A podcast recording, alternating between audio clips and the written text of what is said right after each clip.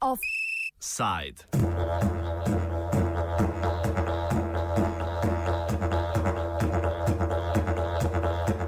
Slovenija med tranzitno državo in banana republiko.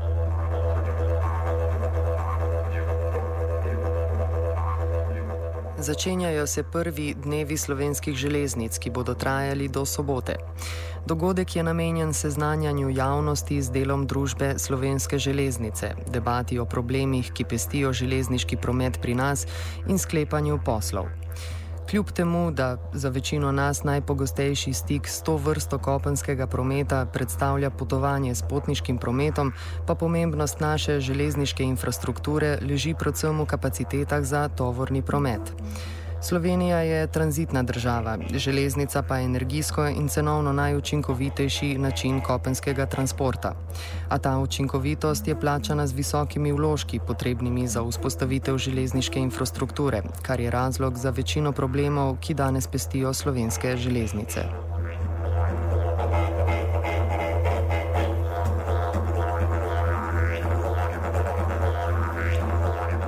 Kakšen je pomen tranzita za slovensko državo in kaj našemu ozemlju daje strateško lego, nam je pojasnil Bojan Rosi, profesor na fakulteti za logistiko v celju. Večina transporta je vsekakor uh, v tranzitu skozi Slovenijo. Mi smo le premajhen trg, premajhno območje, tako da nas večina tovora, bi rekel, nekje samo prepotuje. V železniškem prometu tovornem to pomeni, da je preko 80, nekoč so tudi celo govorili o številki 84 več odstotkov v tranzitu. To pomeni, da stopa ali v Luki Koper ali kjerkoli na naših mejah na slovensko železniško mrežo in pol seveda to skozi Slovenijo targetira neke države v Evropi odjemalce teh storitev. Zato je seveda pomen takšnega transportnega ali kako mi pravimo v Sloveniji prometnega sistema kot je železnica zelo pomemben. Ne na zadnje smo na stiščišču dveh pomembnih koridorjev, petega in desetega, to se pravi ta peti nekje iz Španije do Kijeva, deseti seveda iz Nemčije pa tam do Grčije oziroma Turčije, zelo pomembni so tudi drugi koridori, kjer se danes ustvarjajo projekti eh, modernizacije železnic in brez tega sistema uh, jaz ne vidim, da bi lahko sploh Slovenija, slovensko gospodarstvo prosperiralo oziroma država kot takšna eksistirala. V javnosti velja prepričanje, da prevelik del transporta skozi Slovenijo poteka po cestah in da bi se velik del tega dalo premestiti na železnice. Rosi nam podrobneje pojasni, pojasni kako je z zasedenostjo slovenskih železnic.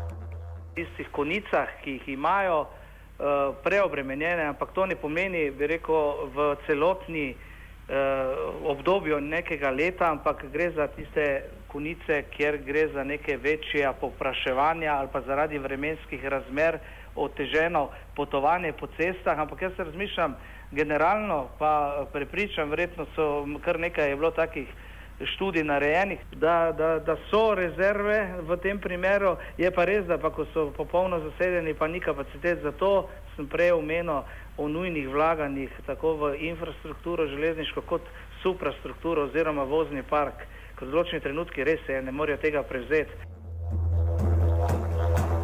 Izpostavi tudi, da je cestni transport pri nas neučinkovit. Po neki zadnji študiji kaže, da je še vedno vsak drugi tovornjak ali pa vsaka druga vožnja prazna, da so zelo slabo izkoriščene kapacitete tovornjakov. To se pravi, da je polovica teh tovornjakov, tako bi rekel, karikirano, praznih, ki dela zastoje ogroža udeležence v prometu, ne? na železnicah temu ni tako. Strokovno podprtimi ukrepi, ki bi dobrine v času, ko imajo železnice prosto kapaciteto premestili iz cest na vlake, bi se torej dalo celostno izboljšati učinkovitost transporta pri nas. Rosi opiše, kakšni bi ti ukrepi morali biti. Takšni kot veljajo v Evropi, omejitev glede dovolilnic izdaje, kakšni kamioni, s kakšnimi motorji, ali so to recimo, ne vem, eh, ti evropske 4, 5, 6, to se pravi z malo emisijami, ali pa če bomo res dovolili, da bo vsak onesnaževalec tako prišel pri nas, zato pač, ker bo plačal cestnino ali pa ne vem, neke stvari koristo, ki jih sicer ne bi. To se pravi, so tu strokovni argumenti v prid temu, da je treba to omejiti, da, da je treba to zagotoviti. Res je, da je kombinacija železnice in ceste nujna, ker železnica pač ni v stanju zaradi svoje narave pa tehnike, tehnologije, ki velja za ta prevoz pripeljati od vrat do vrat, rabi še neki preklad, ampak gledajte, z enimi pravimi rešitvami se to da. Nevarne snovi, ne vem, zakaj se vozijo po cestah, če bi se lahko po železnici. Kot je že izpostavil Rosi, pa bi poleg regulativnih ukrepov povečanje vloge železniškega prometa zahtevalo tudi ulaganja v izboljšavo infrastrukture. Pojasni nam, kje so oska grla v našem železniškem omrežju.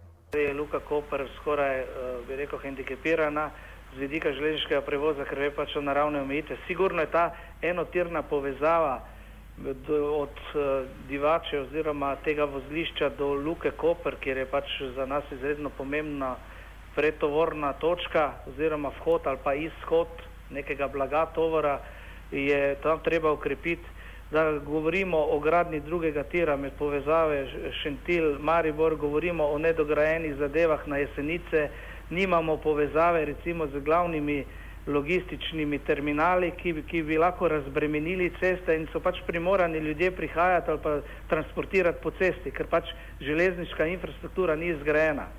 Tako da to so glavne ovire, pa pa so seveda še ovire v samem delovanju oziroma Eh, bi rekel, regulativi delovanja tega sistema, to je na nivoju zakonodaje, eh, razporedov delovnih časov, eh, uro obremenitve, zasedbe vozil in podobnih zadev.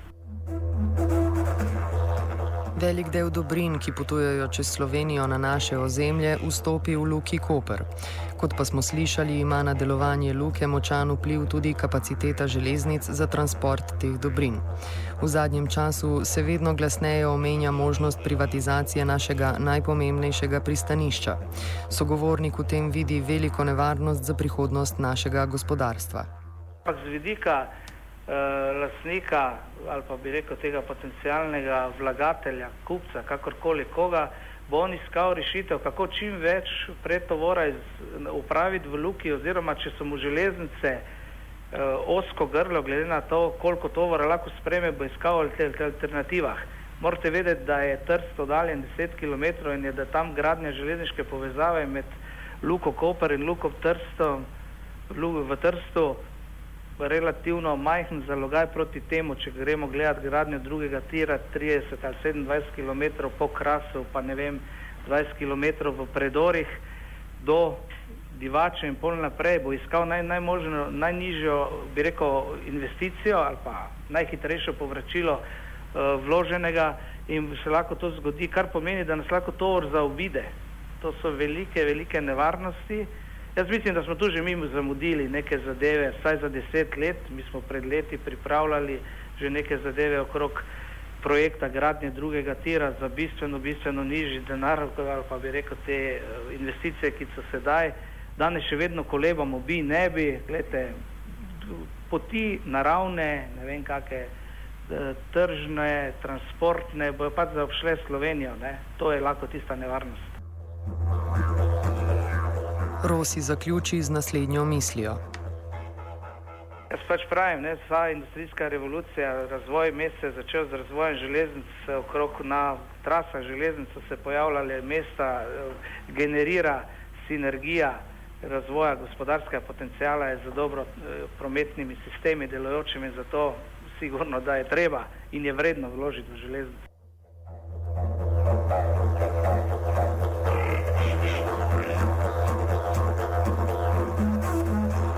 Offside je pripravil Twitter.